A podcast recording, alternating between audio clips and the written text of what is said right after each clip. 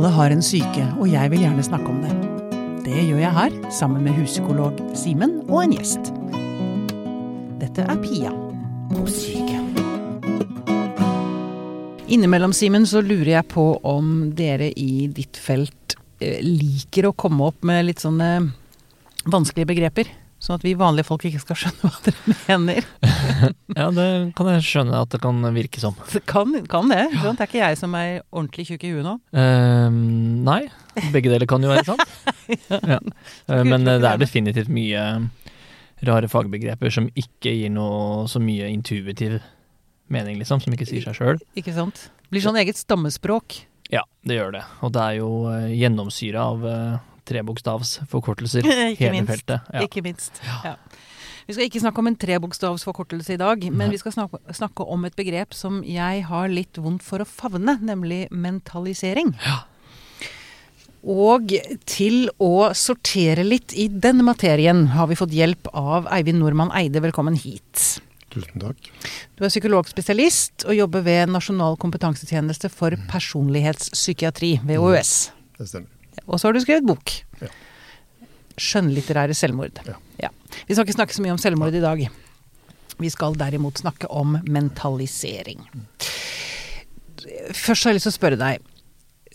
Personlighetspsykiatri. -hmm. Hva er forskjellen på personlighetspsykiatri og vanlig psykiatri? Jeg trodde at all psykiatri handler ikke all psykiatri egentlig om personlighet? Egentlig? Eh, jo, de aller fleste med psykisk lidelse har jo en personlighet. Ja. Det vil jeg være helt enig i. Mm. Eh, forskjellen er vel at eh, vi som jobber innen feltet personlighetspsykiatri, eh, fokuserer hovedsakelig på problemer innenfor det vi kaller personlighetsforstyrrelser. Eller Ja. altså problemer som primært er forbundet med personlighet. Ja. Mens man kan ha en god del psykiske lidelser som kommer av på en måte litt mer uavhengig av hvordan personligheten er skrudd sammen. Ja, for min lidelse, bipolar 2, Mm. det har ikke noe med personligheten å gjøre. Det er ikke Nei. en personlighetsforstyrrelse. Det, er, eh, det har vært en sånn diskusjon i fagfeltet før. Altså hva som er forskjellen på bipolar 2 spesielt, i forskjell til, bipolar 1, men altså Ja. spesielt bipolar 2, opp mot det vi kaller emosjonelt ustabil personlighetsforstyrrelse. Men vi tenker i dag at det er noen klare forskjeller Mm. her. Da må jeg, må jeg spørre hva det er for noe. Fordi Eh. jeg har jo tenkt at oi, em- emosjonell ustabil personlighetsforstyrrelse. Og tenkt oi, kanskje det er der jeg er. Ja, ja, det er du sikkert ikke alene om. Nei. Eh, Det tror jeg mange har lurt på. For det er jo følelser som endrer karakter. Som svinger mellom det å gå opp i følelseslivet og gå, og gå ned i følelseslivet. Ja. Altså oppstemthet og nedstemthet. og Det gjelder depresjonen. da. Og det gjelder også ustabil eh, Ja, den hyppigste samtidige lidelsen med det emosjonelt ustabile er jo nettopp depresjon. ja, Men de får ikke nødvendigvis den hypomane fasen fasen. som, som varer over noen dager, f.eks., sånn som mange med bipolar 2 får. Okay. Og, og det er mer hyppige svingninger i, i stemningsleie Ja. for de emosjonelt ustabile. Og svingningene er mer styrt av interpersonlige hendelser, eller relasjonelle hendelser. ja, de reagerer på ut, utenfor, altså ting som kommer utenfra. Ja, det er en interpersonlig sensitivitet Mm. hos, de, uh, hos de aller fleste av de som man i mindre grad finner hos de med bipolar 2. Ja. Og så er det også viktig her, som det også ofte er, men det er ikke bare enten-eller. Noen kan ha begge deler. Det, altså, man har jo sin personlighet. Eh, men, eh, men vi tenker i dag at det er noen forskjeller, og det er man ser også Det er noe forskning på gang, i hvert fall, som, som mener, så vidt jeg vet, å finne forskjeller i tilknytningsmønster, blant annet. Ja. Man sammenligner de med bipolar 2 og de med emosjonelt ustabil personlighetsforstyrrelse. Tilknytningsproblematikken er sterkere hos de med personlighetsforstyrrelsen, eller? Jeg skal ikke jeg uttale meg for sikkert om funnene der, men Nei. at det er noen forskjeller, mener jeg å vite at det er. Ja. Men okay. det fins jo ingen sånn helt klare skillelinjer, så det er veldig vanskelig spørsmål. Det kan være veldig vanskelig å skille i enkelttilfeller. Ja. Og man finner aldri noe fasitsvar heller. Er jo Nei, men det, det, det er, med det. det, det gjelder ikke det hele feltet. Altså Psykologi, psykiatri, det er vel Det er jo antakelser. Ja. man driver med. Teorier, liksom. Mm. Mm. Men her er det kanskje særlig ullent, da. Altså de, de finforskjellene mellom de tingene. Altså det har med svingninger å gjøre. Så må du se på hyppigheten, og så må du se på tilknytningsmønsteret og det. Det går Ja. jo kanskje an å være bipolar, men har noe strev med tilknytningsrelasjoner Mm. allikevel. Men Mm. det er kanskje ikke så alvorlig, og så varierer det gjennom livet også. Ja. Dette er um, en uperfekt vitenskap, den Ja. diagnostiseringen. Det er viktig å huske på. Det er Ja. viktig påminnelse. Det er jo noen eh, kategorier eller bokser her som Vi forsøker etter beste evne å få til å passe med virkeligheten. Ja. Uten at nødvendigvis alltid gjør det helt. Ja. Nei, nettopp. Greit. Um, altså Mentalisering. Fortell, hva er det? Det jeg har fått med meg, er at det handler om å kunne se seg selv utenifra og se andre innifra. Mm. Det er en start, ja. Ja, det er en start. Det er en vanlig måte, det er, vanlig, det er en vanlig beskrivelse. Vi kan prøve å komme litt sånn tilbake til den etterpå. For, mm. Fordi eh, ja, det er et veldig teknisk begrep, og hele teorien er også befengt med en del andre tekniske begreper. Eh, så vet ikke vi skal komme så mye inn på de, men for å begynne med mentaliseringsbegrepet, Mm. så refererer det til en helt sånn normalpsykologisk egenskap.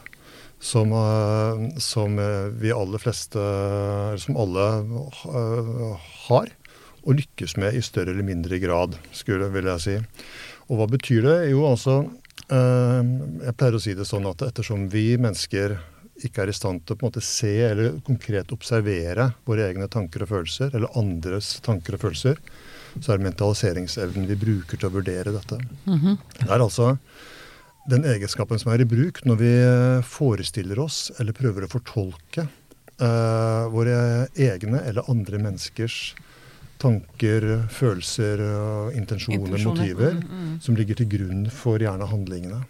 Ja. Slik at når du ser på meg nå, ikke sant, så ser du meg i øynene, og så ser du liksom vennlig ut. Du har liksom øyenbrynene litt sånn opp, og nå Mm. smiler du litt. ikke sant, Mm. Så syns jeg du ser vennlig ut. ikke sant, Da tenker jeg du kanskje forstår hva jeg sier, håper jeg, og, og, og at du følger meg i det jeg sier. Hadde du Ja. derimot liksom rista på hodet og gått sporensk ut av rommet, Mm. så ville jeg tillagt den atferden en helt annen tolkning. Ja. Jeg ville kanskje tenkt at det jeg sa var helt håpløst eh, hårreisende dumt. Mm. Eller kanskje jeg ville tenkt at du hadde glemt kokeplata hjemme og må hjem og redde kåken, liksom. Ja. Eh, eller at du ble uvel. Ja. Sånn, ikke sant. Måten jeg fortolker det på, det har noen betydning for hvordan vi to har det sammen. Ja. Og de følelsene som, jeg vil, som oppstår i meg da, når jeg, når, når jeg gjør dette. Ja, Men mentalisering, handler det bare om hvordan man oppfatter den andre, eller handler det også om hvilke signaler man sender ut? Altså, eh, jeg kan jo ha lært meg til å sitte og smile eh, og løfte øyenbrynene fordi jeg har lært at det er en lur ting, ikke Ja. sant? Men er det mentalisering jeg driver med som avsender også? Ja, det, det vet jo ikke jeg før jeg har spurt deg. For det er så, altså, måte, altså, du, et prinsipp viktig å huske på her, at uh, mentalisering handler ikke om å vite hva andre tenker. For det, altså, det, det, det, det, det, for det vet jeg jo per definisjon ikke. Nei. Altså, Sinnet er ugjennomtrengelig, pleier vi å si. Denne, fra, det, fra dette perspektivet. Ja. Det er mange som vil si det. da. Det Ja. Men ikke nødvendigvis uforståelig. Nei, Du kan gjøre ganske informerte gjetninger. det kan man gjøre. Ja. Og dess flinkere vi er til det, dess smidigere går liksom den sosiale samhandlingen. Så dette er jo en grunnleggende sosial egenskap som vi har, som hjelper oss med å områ oss da et ganske sånn komplekst sosialt, sosial Mm. virkelighet som de fleste mennesker eh, omgås i. Så det er eh, både Du sa det om å forstå andre innenfra og seg selv utenfra. Ja, det er det. Og så i tillegg tenker jeg å forstå seg selv innenfra. Slik at når du nikker og smiler, så kan Mm. jo du lure på om du gjør det fordi det er sosialt lært, det er bare en sånn konvensjonell handling, Mm. eller om det er fordi du faktisk liksom følger meg eller forstår. Syns det er interessant det du sier, liksom. Ja, så det er du som sitter med fasiten på det, på en måte. Så gjør jeg bare noen gjetninger som er mer eller mindre kvalifiserte. Ja.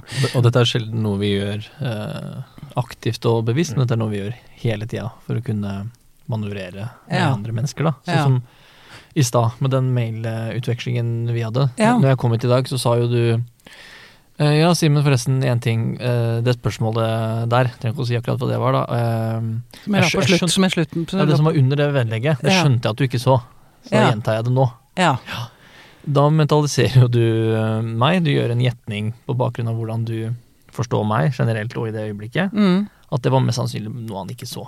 Ja, at det ikke var jeg som ble ignorert. Det var ikke du som valgte å liksom eh, Syns spørsmålet ditt var så teit. Ja, eller at det bare ignorerte du bare for å sette meg på plass eller markere deg, eller ja. Nettopp.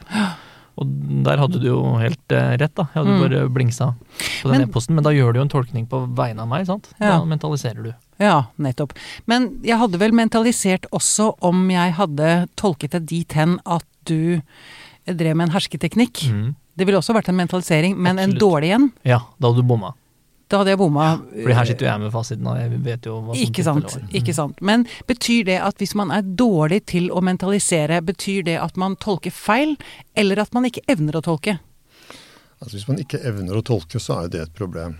Ja, det blir det. Eh, Sånn i mentaliseringssammenheng, vil jeg si. Mm. Altså Hvis man aldri tolker andres atferd ut fra noe som, noe, som har, noe som har med mental tilstand å gjøre, Mm.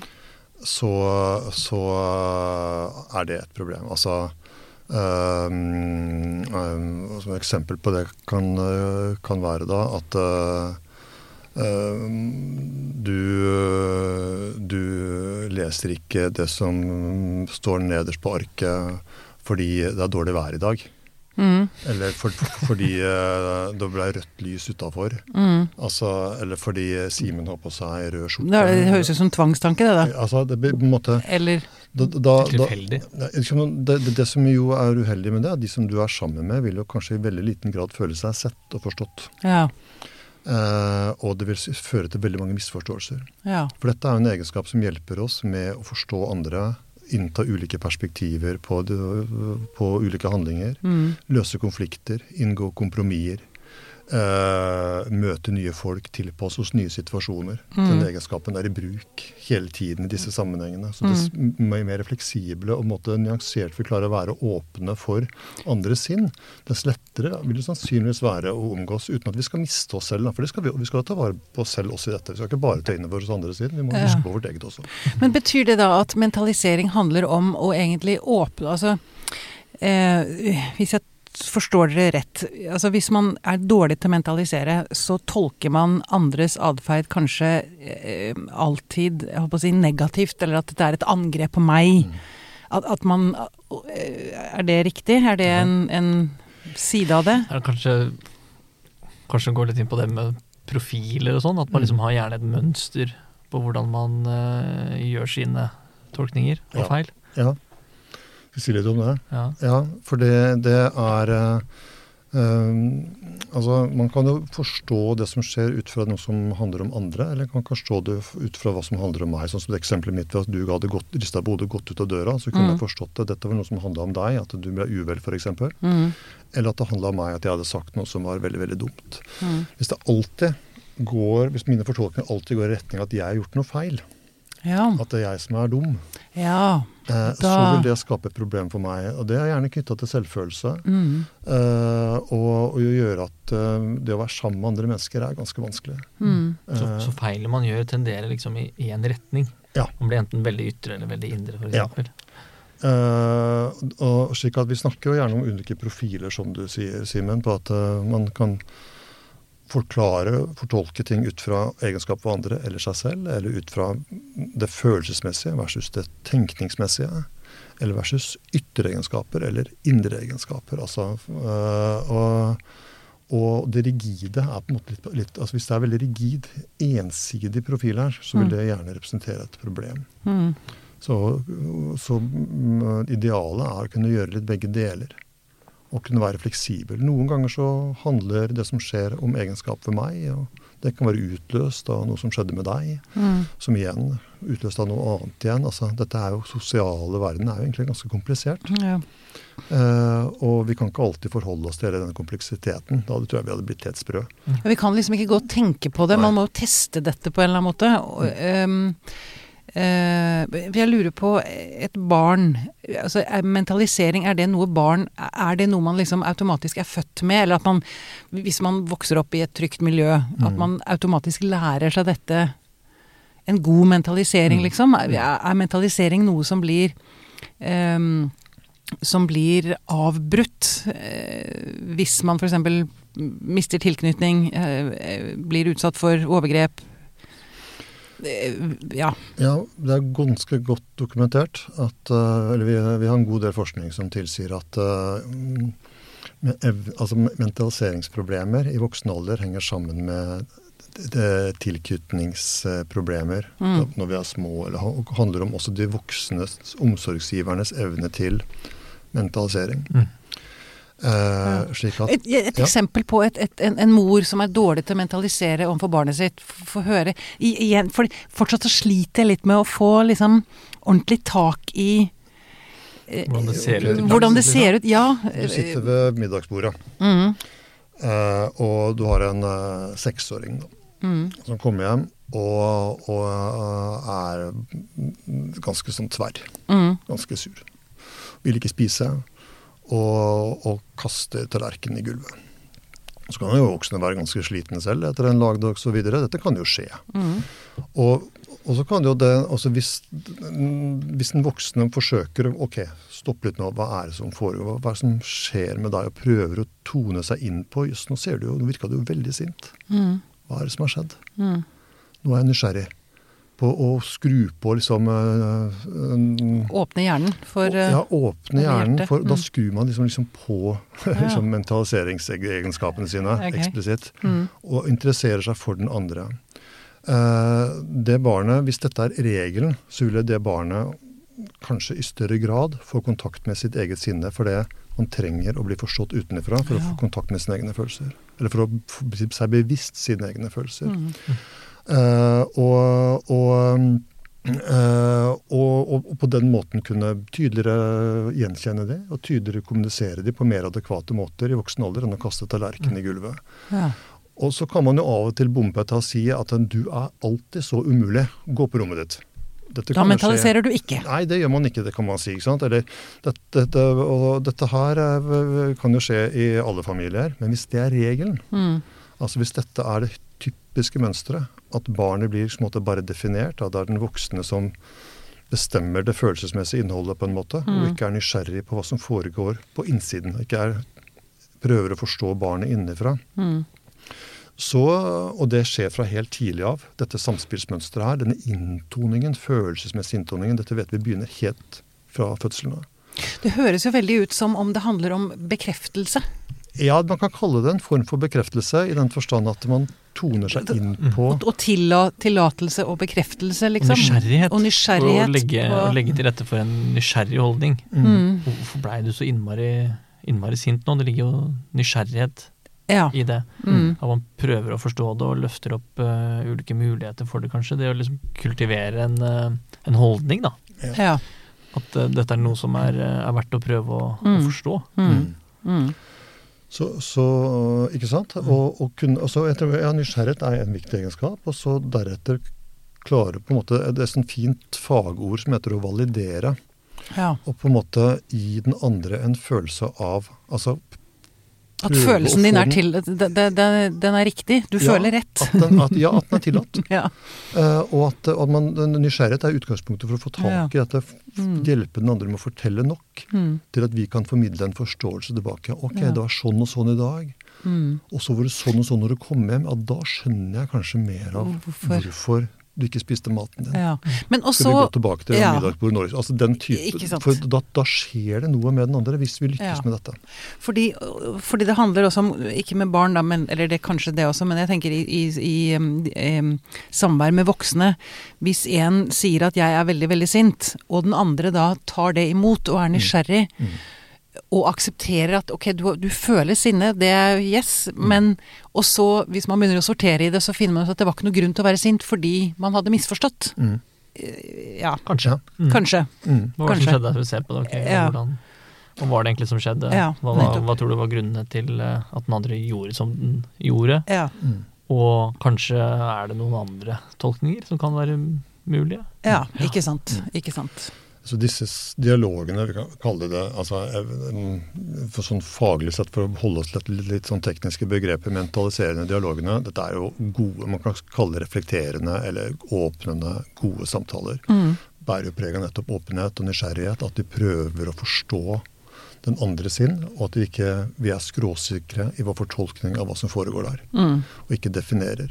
Ikke sant. Ikke sant. Eh, og at, eh, som jeg nevnte i stad, at sinnet er jo ugjennomtrengelig. Så vi får jo når, jeg skulle, når du sa i stad, når jeg da liksom eh, at Når du da nikket og, og hevet øyenbrynene, hvorvidt det ligger til grunn en virkelig åpenhet hos deg eller ikke, det er bare du som vet. på en måte. Jeg Ja. kan spørre deg, ikke sant. Ja, Så Men det er det. Ja, Det kan jeg si. Det kan jeg svare bekreftende på. nå, vet jeg mer om det. ikke sant. Ja. Ja, og, og, og jeg tror, men det, og dette er vanskelig eller Dette kan vi si er ganske mye rettere når følelsene er rolige. Når Mm. det virkelig koker, så Mm. er dette vanskelig. Så ekteskapskonflikter kan man liksom Du er alltid sånn. Tror jeg, liksom. Eller alltid så skal du si det, eller så skal du gjøre det. Så Den type ting kan man jo si når det virkelig liksom koker. Så er, så, så er utfordringen å prøve å snakke om dette når følelsene er litt roligere. Vi Mm. klarer å være litt mer nyanserte. Mm. Alt dette handler om liksom normalitet, da, tenker jeg. Ja. Så er det noen som strever mer med enn andre, og da blir jo liksom på en måte de relasjonelle konfliktene større og forekommer hyppigere osv. Mm. Hvis man har et veldig sterkt følelsesliv, da, hvor det begynner å koke Ja. veldig fort, så forsvinner den mentaliseringsevnen raskt ut av vinduet. Mm. Følelsene går opp, mentaliseringsevnen forsvinner, Mm. og så kan man rote seg bort i en eh, masse leie konflikter som kunne vært unngått, da. Mm. Hvis man Hvis mentaliseringsevnen Ja. hadde vært litt mer eh, ja. påkobla. Er det noen type mennesker eller noen type diagnoser eh, som har større problemer med mentalisering enn andre?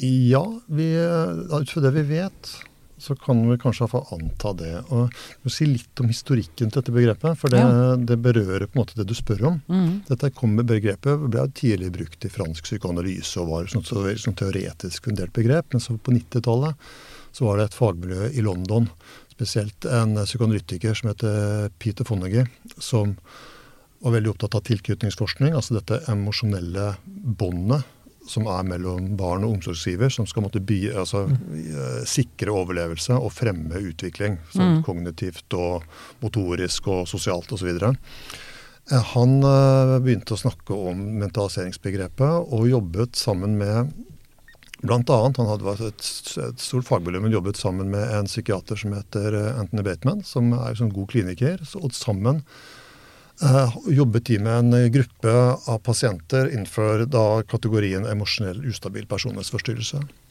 Eh, og syntes at her er det en forståelse som passer godt på deres problemer, og utviklet en behandlingsmodell eh, spesielt rettet mot denne pasientgruppen.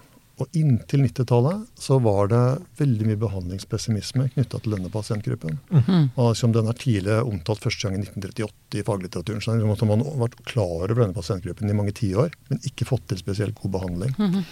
Så da trodde man liksom at dette her, eh, denne, behandling, denne gruppen denne her får man ikke til noe. Og Det er fortsatt fagfolk og folk der ute som faktisk går og tror. og Det er veldig god grunn for å ikke anta det lenger.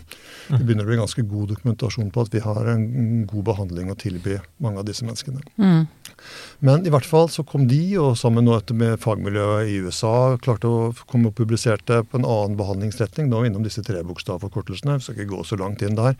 Men, men det var liksom litt flere ulike fagmiljøer som fikk til noe med denne pasientgruppen. Og da disse som jobbet ut fra den mentaliseringsbaserte terapien, Mm. har jo på en måte skapt en egen retning og et uh, veldig eh, flott behandlingstilbud. For- MBT. MBT står det for, da, for denne pasientgruppen. Og, okay. og da tenker man seg at de emosjonelle problemene og de relasjonelle problemene, den sensitiviteten og impulsiviteten som kjennetegner de med emosjonell ustabil personlighetsforstyrrelse, Mm. er forbundet med mentaliseringsvanskene. Ja, akkurat. Altså De er veldig sensitive i møte med andre, har en fortolkningsstil som går veldig rett i retning av at de føler avvisning, fiendtlighet, Mm. eh, angrep, eh, neglekt, som det heter på godt norsk. De snur det innover. Eh, hm? Ja, de snur det, de tolker det Ja, tolker innover dit, ja. at jeg, det er noe feil med meg. Ja, så Mm. fyrer følelsen der at nå kommer du og skal avvise meg, eller du vil Mm. ikke være sammen med meg lenger. Og så er jo ikke problemet at de tenker dette, på en måte. For det kan jo mange tenke Mm. innimellom. Men problemet er at de betrakter disse forestillingene som sanne.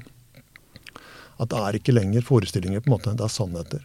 Mm. På at det som andre ville tolket som en mulig avvisning, tolker de som en sikker avvisning. Ja, Så og andre ville kanskje tenkt er det en avvisning, eller er det kanskje en mulighet for at Ja.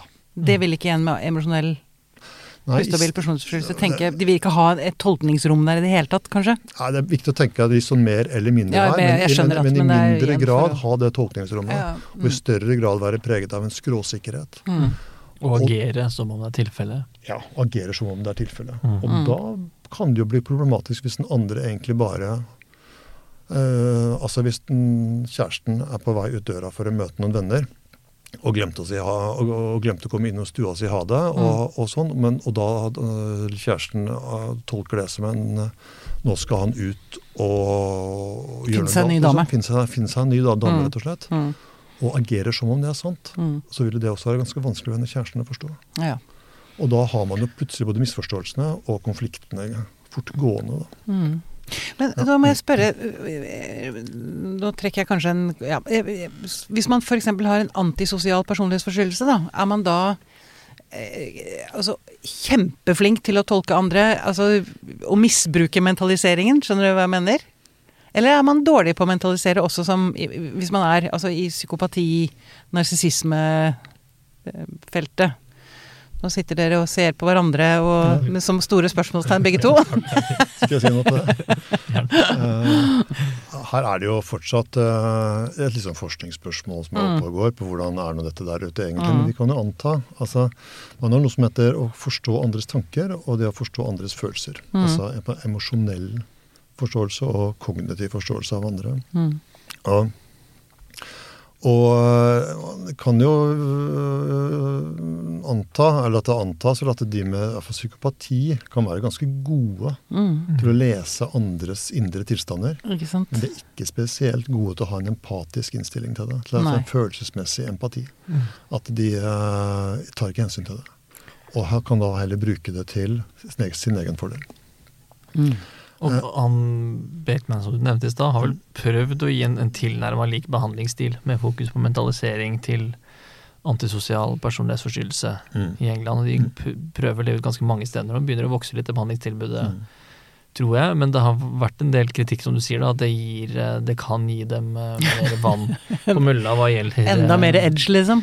Ja, hva gjelder manipulering og, og Mm. forståelse av andre. Jeg vet ikke hvor, eh, hvor mye sannhet her er i det, men det er jo en slags intuitiv Det går an å se for seg det, men det er Mm. samtidig noe litt sånn En litt dyster ting, da, Ja. å si. Men uh, ja. de strever jo med relasjonene sine, de òg, og gjør uh, tolkninger ikke nødvendigvis med den samme type slagsiden som vi snakker om med emosjonelt ustabil personlighetsforstyrrelse, men andre type slagsider. Gjerne med kanskje litt mer eh, paranoid valør, at folk er ute etter dem, f.eks., eller Ja. sånne ting. Og eh, tar litt for raske konklusjoner Mm. i den retningen. Mm. Så, sånn sett så kan man jo tenke seg at det kan hjelpe hvis de eh, blir bedre til å mentalisere og sette litt mer spørsmålstegn med sine tolkninger, da. Mm. Mm. Ja, for det tror jeg, jeg tror et viktig poeng det, det du sier der, at, at mentaliseringsvanskene kan nok være ganske store der òg. Mm. Og fortolke folk veldig mye i en sånn fiendtlig retning. Mm. Og dermed agere fiendtlig tilbake. Mm. Og ha store tillitsproblemer. Og bli ganske sånn um, De skal klare seg selv. Mm. Og dette kan man tenke seg er noen egenskaper som passer godt ute i et rusmiljø i storbyjungelen, på en måte. Men det passer ikke så godt inn i stabile familierelasjoner og arbeidsrelasjoner ute i normalsamfunnet. Da strever man kanskje litt mer hvis man har en stil som går litt for langt i den retningen. da. Ja. Fiendtlighet funker dårlig. Eh, Ja, fiendtlighet er jo vanskelig å bli utsatt for. Kommer an på miljøet ditt, da. Ja, det kan Jo, jo, men ute på gata så kan det tenke Jeg er helt enig. Der kan det være helt nødvendig, rett og slett. Frykt og fiendtlighet er liksom eh, For å overleve så må man ha det, men eh, i, i et ekteskap så er ikke det så kult. Nei, ikke sant. Funker ikke så bra. Mm. Men jeg lurer på eh, mentaliseringsbasert terapi. Mm. Hva går det på? Hva lærer man? Å mentalisere. ja, Nydelig, Simen! det er jo, kan jo nesten defineres så lett helt grunnleggende Jo, sett. At man blir eh, Ved å øke mentaliseringsevnen, Mm. så vil man få det bedre psykisk hvis man har den type problemer som vi beskrev tidligere, da. Men konkret, Simen. Konkret, hva gjør man? Altså, for du, du driver ikke med mentaliseringsbasert terapi, eller gjør du det? Eh, jo, jeg gjør det. Jobba eh, tidligere på den, eh, i det fagmiljøet som Eivind kommer fra Mm. nå, hvor det er eh, spesialbehandling eh, for emosjonelt ustabil Ja. personlighetsforstyrrelse, hvor man driver mentaliseringsbasert terapi. Men gjør du det nå i din, ditt Når- daglige virke nå, liksom? Ja, Ja. fordi det passer seg for. Mm. Ja. Oi, Men, i praksis vil det si du kommer inn i terapi, og så har du kanskje en interpersonlig hendelse, som det heter så fint. Det Mm. har gått på tverke med en eller annen relasjon. Mm. Det ble kanskje en krangel, eller noe sånt. Tar du med den situasjonen inn i terapi, og så jobber man med den sammen. Skrur ned tempoet, og du er jo da følelsesmessig avkjølt igjen, forhåpentligvis, og kan jobbe med de ulike faktorene som er i spill da, i den situasjonen på en mer rolig og balansert måte, og se disse tingene kanskje klarere se andre synsvinkler, andre nyanser, Ja. varianter av den første tolkningen som du kanskje agerte på først. da. Ja. Og ved å gjøre det gjentatte ganger i, en, uh, i et kunstig miljø, da, i en terapi i saktefilm, så Mm. kan du kanskje styrke den evnen, slik at neste gang noe lignende skjer i virkeligheten, så har du kanskje den evnen litt mer påskrudd. da. Du setter kanskje et spørsmålstegn til ved siden av Akkurat. tolkningen du gjør før Ja. du agerer. Ja. Vil du si at det var riktig Jo. eksemplifisert, Eivind? Mm. Ja. Men og, eh, Det er mulig jeg gjør meg dummere enn jeg er, men, men er det ikke egentlig det man alltid driver med i terapi? Altså ser på eh, hva følte du da, og hvorfor følte du det, og hvor kommer det fra, eller altså Mm. Men hvordan skiller mentaliseringsbasert terapi seg fra På en måte litt sånn, uh, I den grad man tenker at de mentaliseringsbaserte miljøet påberoper seg det å ha en helt ny terapimodell, mm, så er det en berettiget kritikk. For det er det på mange måter ikke. mm, Men det er kanskje en ny måte å sy sammen, sette sammen en del gode terapielementer på. Ok. Eh, altså Det første utgangspunktet her er jo det er liksom som Simen sier, I den grad man klarer å hjelpe pasientene med en bedret mentaliseringsevne, så de mer, uh, har de bedre behandlingsutbytte. Det henger sammen med behandlingsutbytte, liksom uavhengig av hva slags terapimodell en uh, på en måte jobber ut ifra. Man blir litt mer robust, høres det ut som. ja, altså, altså En rekke mennesker, hvis de går i en god terapi, uansett hva man kaller det, som blir mer fleksibel i møte med andre, mindre skråsikker, har bedre evne til å regulere følelsene sine, Mm, eller ta seg en timeout når man kjenner følelsene koker, istedenfor å utagere de med en gang, vil jo ha, kanskje få det bedre. mm, Og mange terapeutiske retninger prøver å få til det. Det som eh, MBT har gjort meg veldig eksplisitt, da, det er at de først, det første har de adressert ulike former for mentaliseringsproblemer som disse, mange av disse pasientene, eller som disse pasientene har. Og de har en helt klar sånn utviklingspsykologisk eh, teori forbundet med det, knyttet til bl.a. forbundet med tilknytningsmønster. Og du spurte i stad om vi er født som gode, mentaliser som Ja, ja. gode mentaliserende mennesker. Det er vi jo ikke. Vi, dette er en egenskap vi utvikler, men, Mm. men, vi, men vi er genetisk utrustet for å utvikle den. mm. Dette er helt sånn spesifikt Homo sapiens-egenskap. Ja, for det- dette må jo også få Nå, hopp, nå avbryter jeg deg, eh, hold på tanken din, men jeg bare tenker på hos dyr også. De mentaliserer vel kanskje ikke på samme måte, men de er veldig gode til å tolke hverandre. Hierarkiet, at de holder seg i rollen sin. Det er gjort en del eh, Det er skrevet litt om dette på, på hvordan eh, eller det som, det som jeg syns er litt interessant, man har et fenomen, begrep da, som har gått fra behandlingskulturen ut til liksom populærkulturen, sånn som dette mentaliseringsbegrepet er. Mm. Så kan man kanskje finne elementer av det fra andre fagretninger. Og borte i USA for eksempel, så finnes det en filosof som heter Martha Nussbaum, som har skrevet mye om litteratur. Og så Hun snakker om litteraturens funksjon er å hjelpe oss til å bli bedre i stand til å sette oss selv i andre menneskers sko. Til å forstå dere, deres tanker, følelser og intensjoner. Det er helt analogt med deler av mentaliseringsbegrepet. Og dette mener hun, er med å gjøre oss til, til kultiverte mennesker, rett og slett. Og samme med TV-serier vel, og filmer og ja, alt som ja, liksom filmer, beskriver ja, andres Som er eh, som psykologisk, dette som Mm. hjelper oss med å forstå andres sinn. Mm, I denne boken 'Sapiens' av israelske forfatteren Harari, han beskriver jo at noe av det som skilte noe som gjorde at Homo sapiens på en måte gikk fra å være på midten av næringskjeden til å bevege seg opp på toppen, og, og på bekostning av bl.a. andre menneskearter, som neandertalere og Homo erectus og sånn, handlet om det han kalte en kognitiv revolusjon. At vi var i stand til å sladre om hverandre. For å sladre så må vi ha en forestilling om andres sinn. ja. Å kunne se ting som ikke er til stede i øyeblikket. Eller kunne forestille oss ting, men som ikke er til stede i øyeblikket. Som at man kan, kan eh, forestille seg at hvis jeg drar dit, så er det noen folk der som kan bytte varer med meg. Mm, Og ikke minst, dette, nå kommer jeg til det du spurte om, Mm. altså dette med, med, med dyr. Det man kaller delt uh, intensjonalitet. Eller altså å kunne dele opp uh, intensjoner forbundet med f.eks. symboler, religioner, ideer mm, som gjorde at Homo sapiens var i stand til å organisere seg i langt større grupper. Og samarbeide. Så dette er en samarbeidsegenskap, blant annet. mm. Som gjorde at vi, altså fra å være gruppert i eh, mindre grupper, kunne organisere oss. Og som i verste fall så kan man, sånn som Nazi-Tyskland gjorde, organisere seg rundt en eh, ideologi om det tredje riket. Mm. Men i det beste fall få til samarbeid som regi av Nato ikke sant? og Mm, FN. Og det, det, det, at det gode med denne egenskapen. Og dette her finner man ikke hos andre primater, f.eks. Nei, nei, ikke sant. Slik at selv om de kan tolke hverandre og tolke lyder og følelsesuttrykk og agere på det, så det å på en måte organisere seg, samarbeide på den måten, Mm. det er vel ganske typisk Mm. typisk menneskelig. Ja. Og det å ha en bevissthet rundt den tolkning. Jeg tror ikke Mm. sjimpanser har så mye kontakt med tvilen rundt egne tolkninger av andre sjimpanser, f.eks. Hvis de ser noe de tror er aggressivt, så er det Så aggressivt. er det, det er rett og slett det der. de setter seg ikke ned og diskuterer Nei, det etterpå. what you see is what you get, liksom. Ja. Der. Mm. Donald Trump um, og mentalisering. Han må jo være utrolig god på å finne Han har jo funnet strømninger. Mm. Eh, apropos eh, Nazi-Tyskland, holdt jeg på å si. Mm. Altså totalitært altså, eh, ja, Han er vel god på mentalisering, da, men ikke så god heller. Eller ja, hvor, hvor kan vi vi si plassere han oppi i dette? Fall, eh, det virker som, uten at øh, vel, noen av oss har snakket med han, Mm. som han har ganske store empatiproblemer. Ja. Eh, og han virker jo patologisk løgnaktig Mm. i sin atferd. Mm. Eh, og og eh, har store problemer med å forstå måtte ha fått ta hensyn til andre menneskers Mm. eh, sinn. Eh, så om, eh, om, om det er at han er nøye kalkulert eller ikke, det syns jeg er litt vanskelig å si. Ja. Rett og Han, slett. han fremstår ikke som nøyekalkulert, egentlig. Nei, han virker veldig impulsiv og virker skamløs. Mm. Uh, og, og, Jeg tror ikke han ser for seg hvordan han vil framstå framover i tid, f.eks.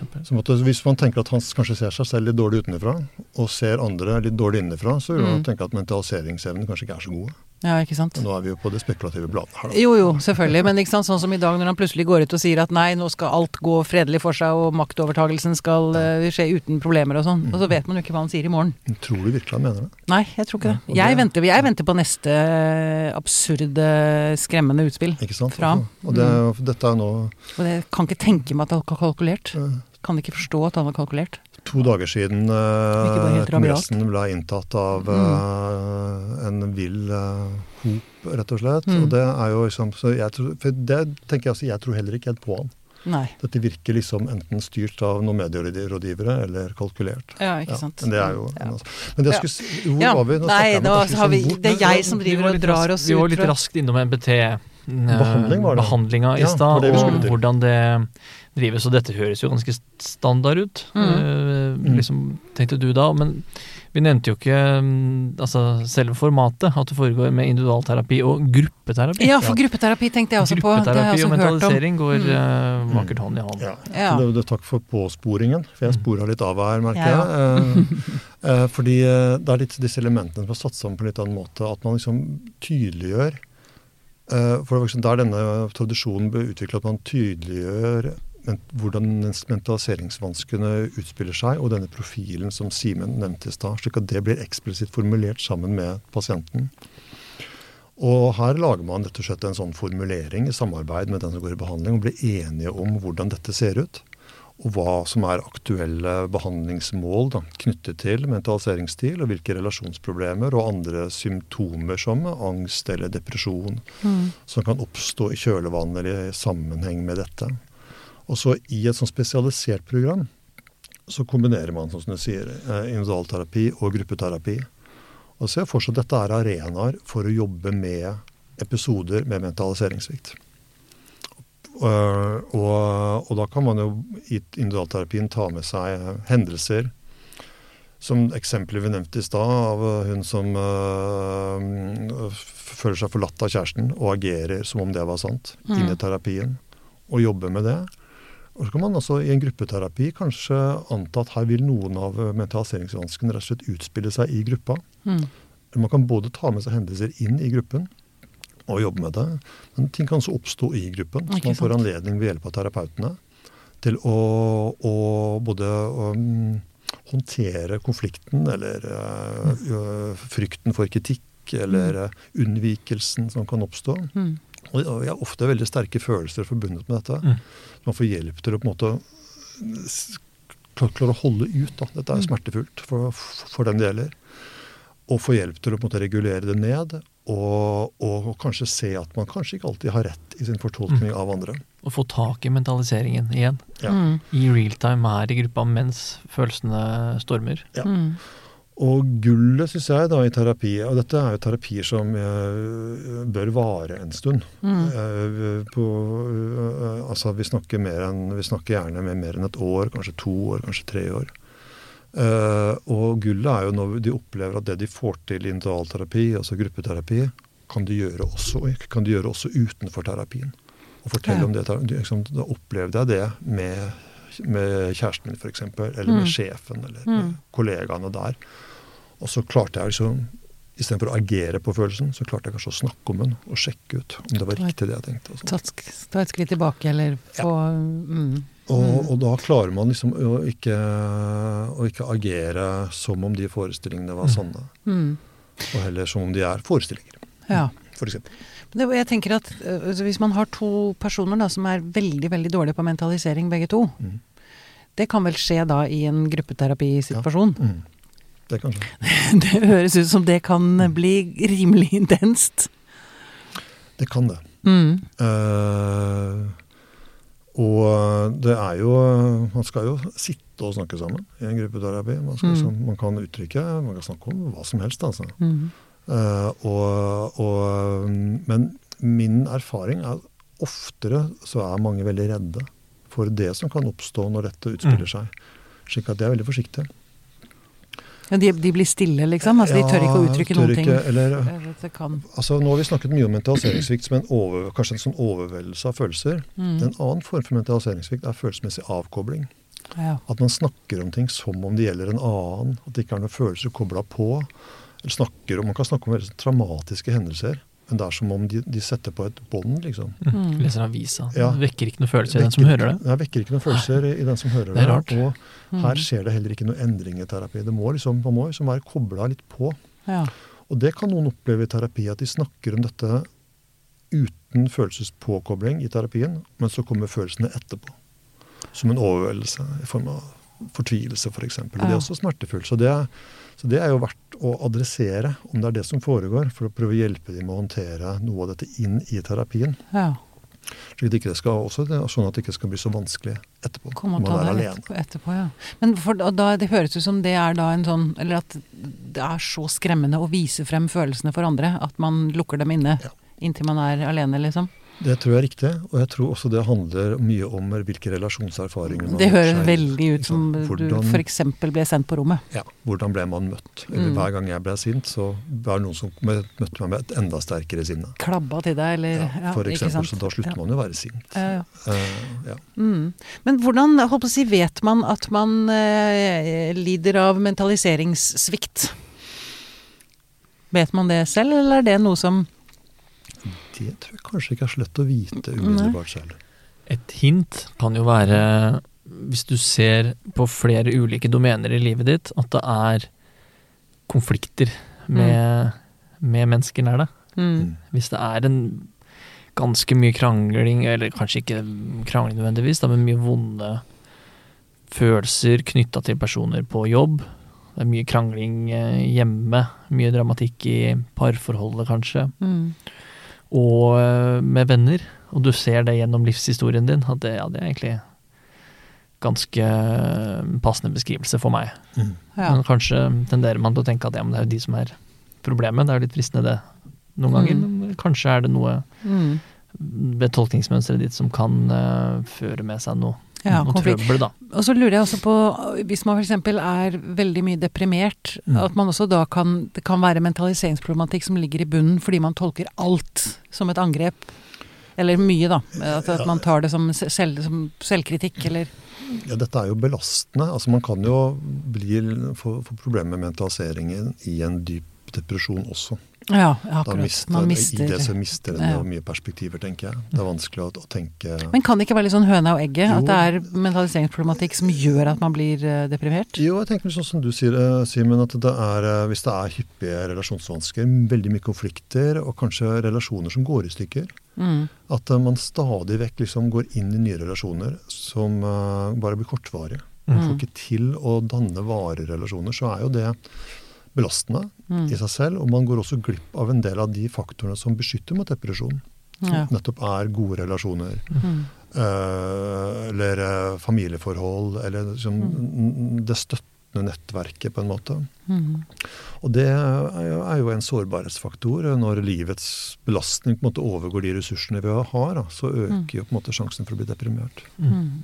Men, men å si at det, ligger, at det er det som egentlig ligger i bånn for depresjon og angst og sånt, blir kanskje litt vel Ja, det blir litt Men jeg skjønner, men jeg si bare dette ja. diffuse feltet. Ja, ja. Ja. Det, er mange, det er jo mange veier inn i de, de sterke følelsene. Det er mange grunner til at man kan få sterke følelser, og dette kan være én av grunnene. Mm. Uh, og det er jo for så vidt, sånn som du sier, også mange grunner til, eller mange veier inn i depresjonen. Mm.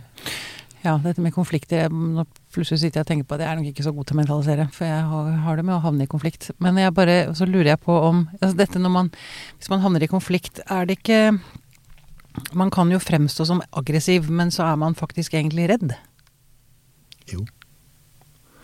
Og frykt og sinne er jo ganske tett kobla. Ikke sant?